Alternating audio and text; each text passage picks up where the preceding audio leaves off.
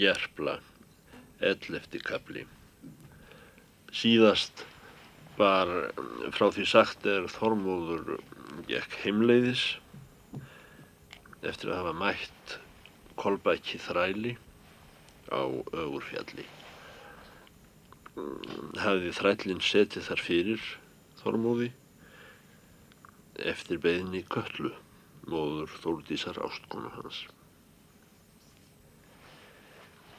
En þá er Þormóður hafi skammastund gengið, tók hann í fótinn nokkuð svo. Það er að segja hann verkjaði fótinn. Þó meira með dofa en verk og þykist illa gangfær. Honum gerist og óglatt.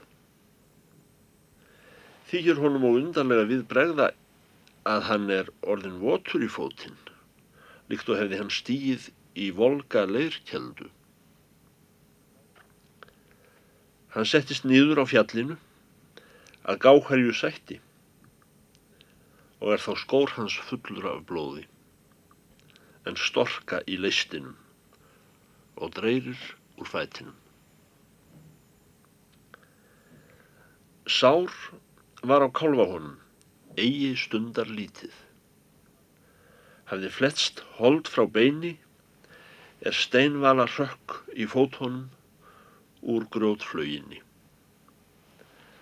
Hann reist linda úr linglæðum sínum og batt um fótinn og skreið ofan fjallið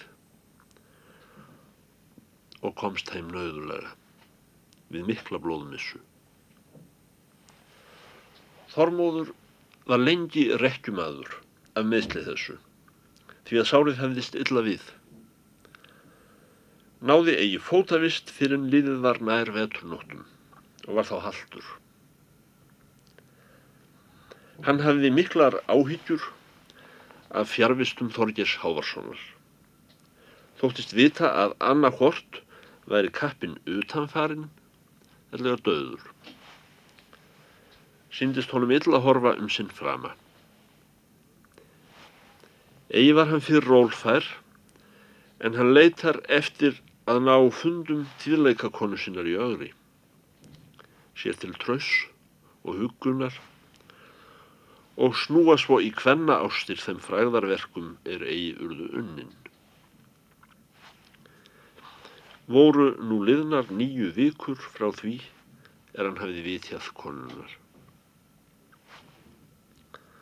Um haustið voru veður stríð með þrálátri hafaft og jæljagara.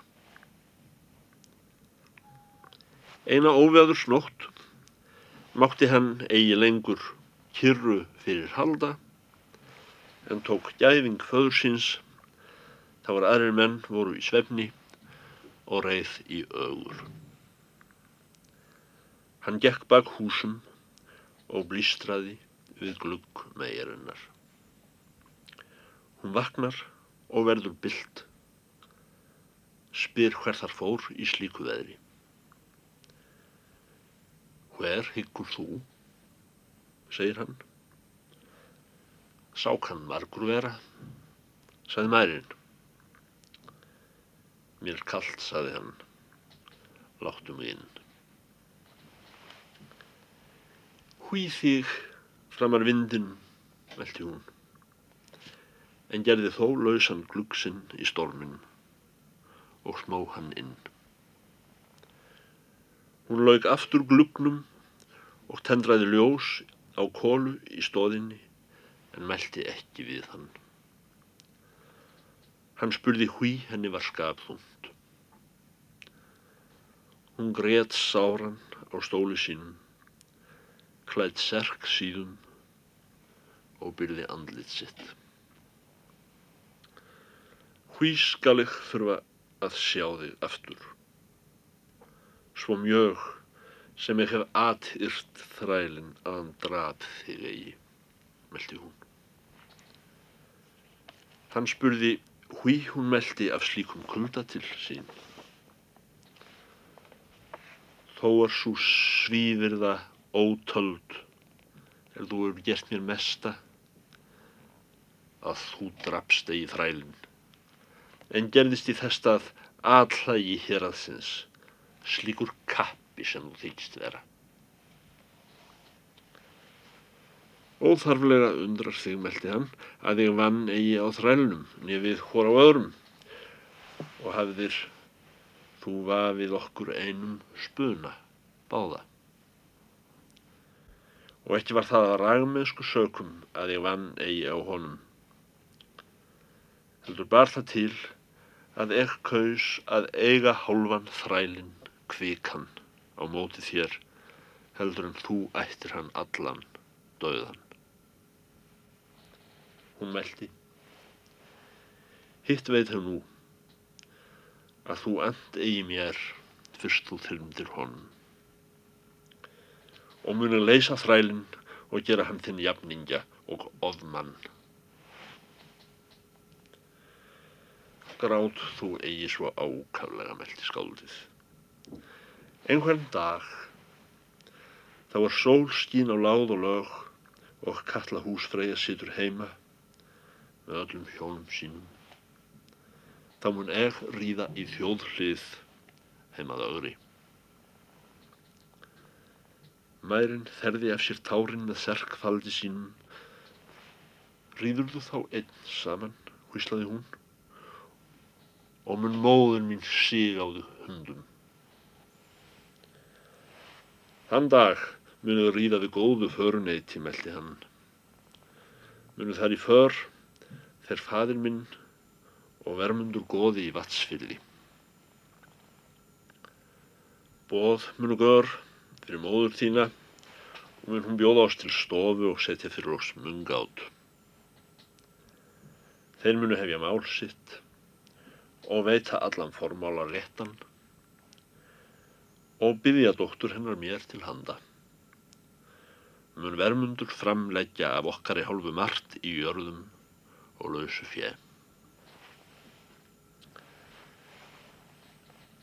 undur mikið hversu margt þú kannt ljúa veldi hún en það er kallað ástarmerki ef maður lígur að konu og talar eigi satt og þá ann kona manni er hún trúir honum þó að hún viti hann ljúa og er gott að heyra þig ljúa ljúðu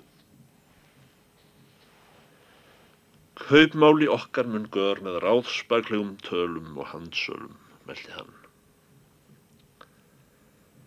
Þá hefði mærin þerrað augu sín að mestu. Á þeim góðum veður degi, meldi hún, þá er þú rýður í þjóðlið til vor og eru för bessi bóndi fadir þinn og vermundur og skulum ég til heimann fylgjulagð öll landgæði í öri Hvort andu mér á þeim degi þálmúður. Engi munu hér koma mál á þeim degi uppteikin, meldi hann. Mundu nokkuð færa mér slík hvæði þá, spyr hún, að ég vita vist að til mín sé hvæðið en eigi annarar konu. Til þess hvænast menn að gera skálskap þarflausan, veldi hann. Mun þér engi óvirðing gör upp frá þeim degi með móður sinni. Mærin hafði nú látið huggast, reys úr sessi og hvarf til hans mjúglega. Hún veldi.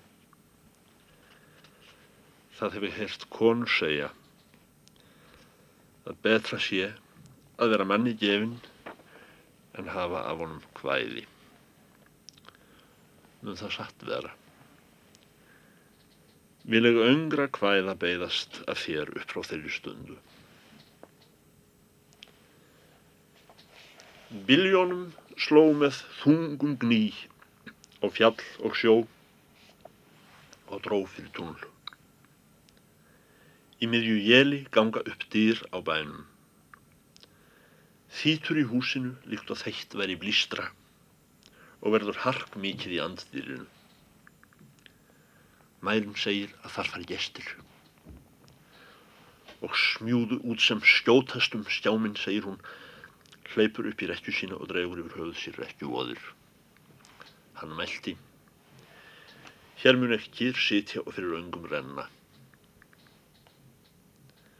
Neðan gatað heyra vopnabrak og mannamál, blandið gólum elris hunds. Elris hundur er vist vindurinn. Hrættur heimamaður var kvattur svars hvað rekju bóndadóttur væri að finna. Mátti heyra gengið um loftstegan stokkfreðnum skóm. Gestur sá er innstið í loft megarinnar, var líkari sjókind en manni, síldur allur af snjó og sædrifi og gnast við húsið undan hófum hans. Spjót hans var okk klakað á odd fram.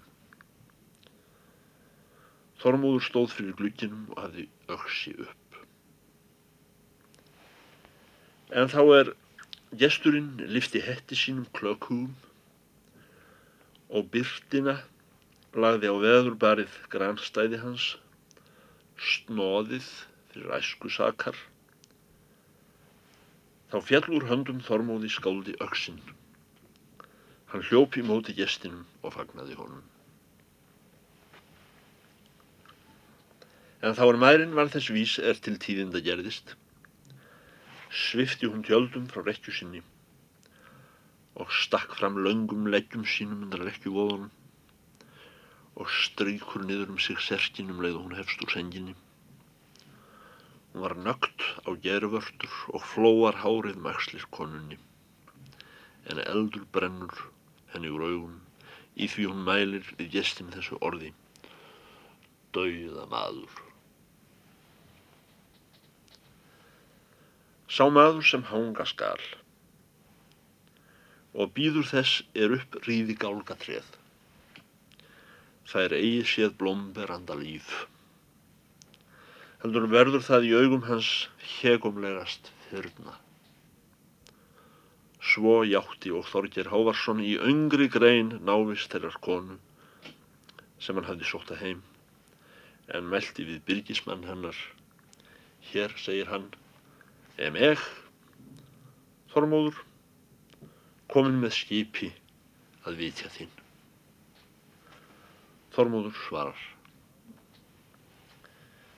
Beðið hefur þín, það margan góðviðrist dag á sumri að vandséð er hví við skulum sigla í afspyrnu veðri á veðtrarnóttu. En þó mun ég eigi ganga á bak orðum mínum og eigðum við þig. Seg hvað þú vilt og mun skáld fylgja hetju sem þér. Þorgir meldi. Marga dimmanótt hefur risið á fætur þá aðlir menn sváfu og mundað vopnum mínum og býð því skjaldarendur af óstýrilegri fyrst þeirrar fræðar sem hlýst af að vega menn og ráða fyrir heiminn. Ellegar falla við góðan orðstýr. Er hérna loks skip, hef ég að mestu bætt það sjálfur því að mig skorti fjö að kaupa smiði. Og ráðuna hef ég til nokkra lausagangsmenn að sigla og geta sér orð í för með oss. Vileg að við förum í Jökulfjörðu og um Hornstrandir og drepum þar alla þá menn er órættir hveðast vera fyrir oss.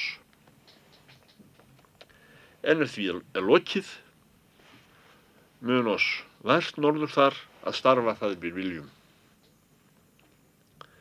Ég hef heyrt að á þessum slóðum sé garpur eitt mikill sáur butraldi heiti og sé brúsa són.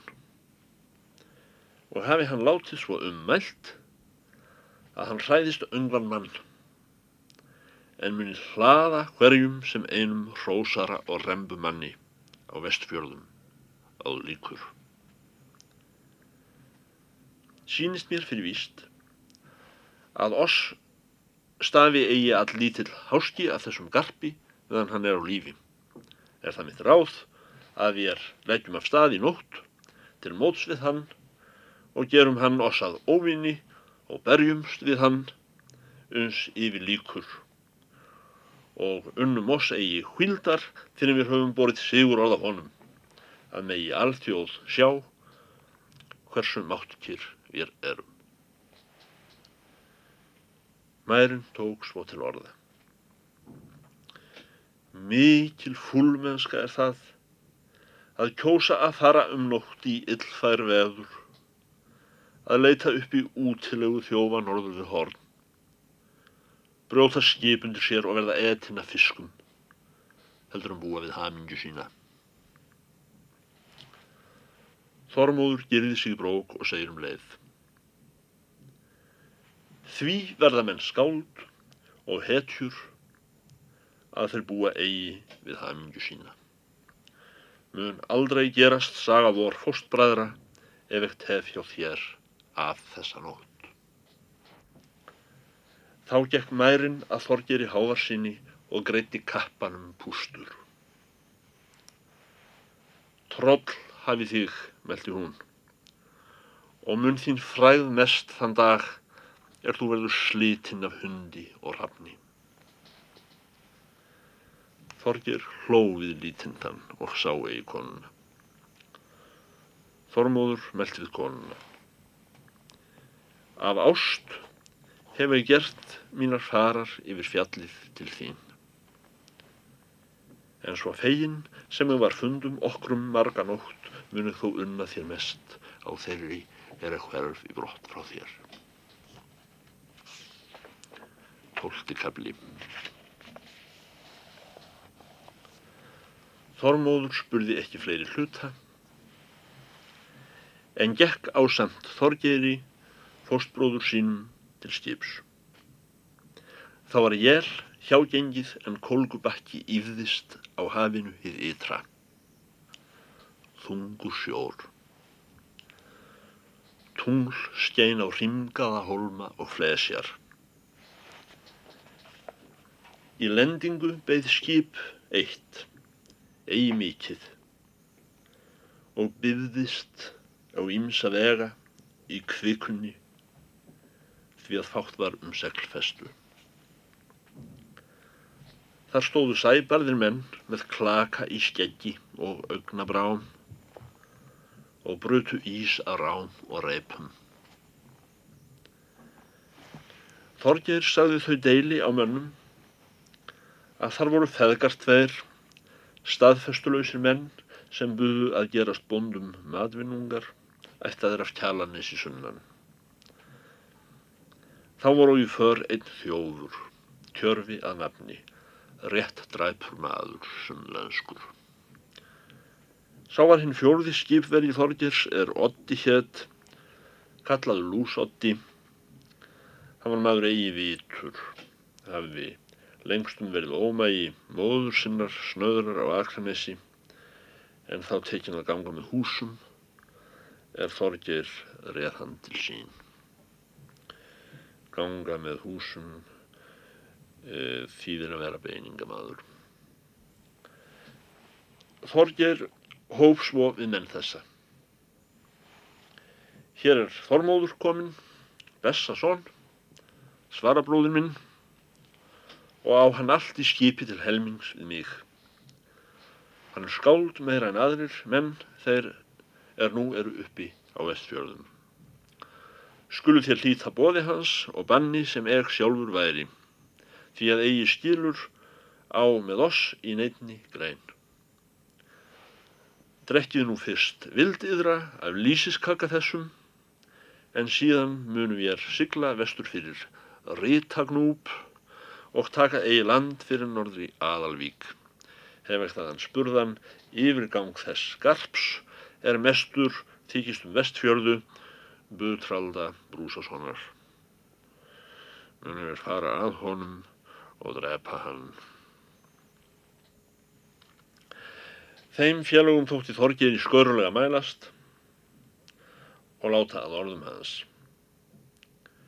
Þorgir settist til stjórnar, jafnskjótt og þeir voru komnir úr vari, en Þormóður réð siglingu, tóku þverskeiting og slóu við öllu segli og sigldum íkinn, flutti skipið kellingar, fara hallir mjög svo að innhellist sjór til les, en skipverjar jósu hver sem mátti. En þá er þeir höfðu siglt, eigi mjög lengi, brast á jél svart, með hörðum, sviftibiljum og áföllum. Ríkur særin sem ísja yfir skipið. Þormóður hleður nú segli og leggja þeir í rétt forviðris. Er þá myrkur sem bík.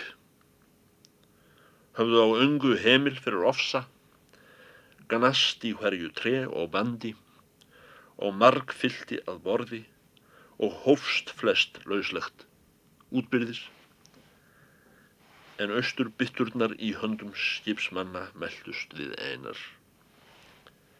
Vissi engi hort fyrrmundi að skipið breyti eða kaffærðist. Þá er aftur grildi í háloft og snóðræna fjekst af tungli voru þeir undir Snæfjallaströnd vestanverðri. Þar heitir Gersfjall. Glitti yfir höfðum þeim á særókið Standberg með tröllvaksið flóðar mikur. Þeir reyna að halda út betur skipinu, svo að eigi brjótið Standbergið. Freista að beita í vind út norður í haf og herkja svo fyrir ríðtagnúb. En naumast voru þeir frjálsir af istu björgum snæfhalla strandar er enn sýrsti í lofti og hrein á nýr ofsi. Var það jél miklu lengra hinnu fyrra og þá brotnar stýrið. Velgjast nú, lengi nætur stjórnlausir fyrir veðri. Uns þar kemur að sjór smækkar og kreppist. Og að lokum er upprofað og ber snjóugar fjallabrúnir við loft á bæð borð. Þorgir spyr hvort Þormóður ber nokkuð kjensl á fjöll þessi. Þormóður meldi. Ég hygg að við séum eigi varkomnari þótt við látum enn undanberast um hríð og stefnum sem horfir. Böð mér þó eigi í hug að ég mynda þessi fjöll líta í nótt. Littlu síðar byrti svo í loft að þeir sjá fjósasistur að úthallanda morgun miðmunda. Voru þeir komnir í innfjörð, þröngvann og landlítinn, risu þar fyrir fjaraðarbotni háfjöld svo örðug að þau slúttu ífram með ófórum hamragirðingum bláum og nögtum. Vaðlar við næðra og fjall á til sjávar. Fjósthef lagði fyrir vit þeim og reik af mannabyggð. Þeir ráða skipi sín til hunds þar sem þeir eru komin við land. Var þá ekki í skipi hjá þeim góður að gripa eftir utan lísis leigilinn í taug í skuttnum og vopn þau er þeir höfðu bundin við sig. Þorgir spyr ef fóstbróður hans viti enn í hvern stað þessi komnir. Þá fer ég villri en ég hugða, segir Þormóður. Ef fjall þetta, eða gneipa, er þar rís, er eigi sjálfur gýjar spors hamar þar sem lesin verða tröllkonu för í berginu. En fjörðurinn, Hrafnsfjörður, sá er innstur gengur jökulfjörða og hefur mér þetta landspláss tíðum í draumaborið. Illa hefur oss þá borið af leið, segir Þorgir, er við skulum hér hafa verða þrautalending. En svo líst mér á félagavora að þá físi líkt á meiri siglingar að sinni. Er og siglutrið brotið og tapað seglið og, og stýri í sundur. Allir voru þeir félagar mjög vestir eftir sjóferðina og klæði þeirra einn klakast okkur. Sveitnin af kjalanesi ófær til gangs og fadir hans kalinn. Varð undir þeim að ganga. Dagsbrún á lofti, en langt í sólaruppbrás. Þeir fundu bæ lítinn, utan með fyrðinum og voru þar öngvir menn uppstaðnir. Þorgeir bað fóstbróður sinn koma á glugg og vekja menn. Þormúður svarar. Þú ert fyrir okkur og skalt þú vekja menn og byggja heilla af góðum. En berir þú eigi til hamingu að nýta af, skaltu mig til hverja. Þorgeir fór á glugg og kallar inn að gestir voru úti, sagði að heimamenn skildu upp lúka. Kona spurði hverju þar færi. Garpar og vígamenn, meldi Þorgir. Eru þér öngvir friðmenn þá? spurði konun. Það vonar mig að sent munum ég í þann glæb rata að semja friðið menn, meldi Þorgir munum við fyrir öngum manni víkja. Hvers beðist þér af oss, spyr konun. Einskís beðumst við af neinum manni, meldi Þorgir. En mat viljum við hafa að etta og eld að þýða klæði vor og svefn að sofa. Og ef þér viljið eigi að hendi reyða, þá látið út mann til vor einn eða fleiri úr húsi yðru þá er nokkurs sé verðir að berjast við oss. Konan svarar, það hefur verið lítill síður hér á, í fjörðum að væstir menn stílu berjast þurfa við bændur til gistingar og myndu vera heimskur maður eða hvort er nafn þitt. Hér er komin, segir hann, Þorger Hávars són með föruneyti sínu og skoru við á þá menn að berjast við oss er nokkurs dugs eru hér í fjörðum. Þá meldi Þormóður kolbúnarskáld. Nú mun eg framar ganga verða, bróðir. Síðan veik hann á glukkin og bað hylla guðum og mönnum að formum síð. Hver fer þar, segir konan. Hér er komin Þormóður Kolbrúnarskáld, meldi gestur, og veit ekki fyrir vist að til eru þær konur hér í jökulfjörðum er hans hafa heilt getið. Þá er hann hafi mælt þessum orðum, lögst upp bærin á gátt. Stendur þar kona í dýrum og hefur kastað yfir sig skikju, blári. Þessi kona var eigð mjög og dökkbrín. Stóð af henni meiri híti en öðrum konum. Hún breyti faðmsinn við þormóði skáldi og myndist til hans innvirðulega og bað hann velkomin þar að vera með föruneyti sínu hvort er hann vildi lengur eða skemur. Hvaðst hafa beðið þessar stundar vonum lengur. sagði að inn skildi bera þá menn sem kalnir voru og ósjálfbjarga og vekja líf með þeim er komnir voru að döða. Hafði þá borið að hýbílum kolbrúnar húsflegu í Rapsfyldi. Loðinn þræll hennar gekk burt frá húsum að gera fjö og heilsaði eigi á menn.